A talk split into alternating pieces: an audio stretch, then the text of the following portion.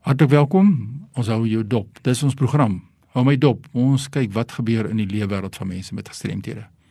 Baie luisteraars navraag ontvang van watter opleidingsprogramme beskikbaar is waar ons mense kan bemagtig rondom gestremdheid. Nou iemand skryf 'n brief en sê ek het 'n paar maande gelede gestremd geraak en nou wil ek graag vir mense iets vertel oor my gestremdheid.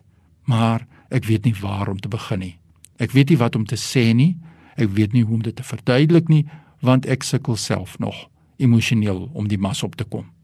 Nou dit is 'n baie belangrike saak. Iemand raak gestrem. Iemand moet deur daardie rouproses beweeg. En ons weet nie as ons met iemand gesels wat 'n gestremdheid het, waar bevind hierdie persoon hom of haarself binne in die rouproses nie.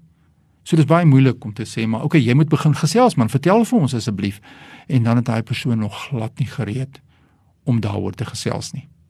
Ek het ook 'n ander brief ontvang van 'n organisasie wat sê maar ons wil graag bewusmakingsprogramme oor gestremdheid dan aanbied, maar ons wil ons personeel bemagtig om te kan uitgaan na werkplekke en na plekke waar mense inligting soek oor gestremdheid, maar ons mense voel nie bemagtig om dit te kan doen nie.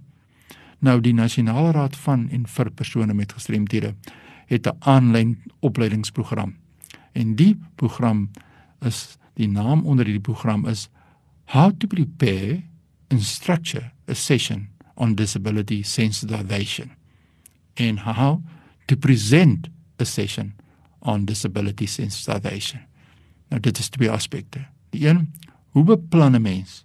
Hoe struktureer 'n mens as jy nou vir iemand anders wil vertel of vir 'n groep mense gaan vertel? Hoe struktureer jy daardie sessie? Wat ons dan sensitiwiteit kan skep. En tweedens, Almal is nie natuurlike aanbieders nie. En hoe kan 'n mens jouself bemagtig om makliker voor mense te kan praat oor gestremdheid? Nou ja, natuurlik met COVID-19 het ons baie uitdagings gehad. Ons het altyd uitgegaan na plekke, ons het mense gaan sien, ons het groot groepe toegespreek in die sektor van gestremdheid. Maar nou het COVID-19 gekom en almal is by die huis. Dis hoekom hierdie aanlyn kursusse en programme dan tot stand gekom het. Maar dit maak dit ook baie maklik as 'n mens dan nou so 'n sessie wil aanbied om dit dan aanlyn te doen en die persoon sit in die gerief van sy huis en hy sit en luister na hierdie opleidingssessie en hy neem deel om homself te bemagtig om ander mense te kan vertel oor gestremdheid. So dit is die basis van hierdie sessies en dit as ek nou kan sê as ek luister na die nasionale raad van en vir persone met gestremthede sê, is daar baie belangrike uitkomste wat mense kan voorspel na so 'n sessie om jouself voor te berei. Nou ek kan net verwys na enkeles van die tyd hardloop uit, maar dit sê to develop insight regarding disability rights awareness in South Africa and to propose and to promote sensitization sessions. So in hierdie opleidingssessie leer ons hierdie aanbieders vir mense waaroor gaan gestremdheidsregte en wat is die bewustheid van gestremdheid en wat is ook die sensitiwiteit wat 'n mens moet hê. Dit lei ook mense om te verstaan om diversiteit te kan promoveer want daar's 5 verskillende forme van gestremdheid.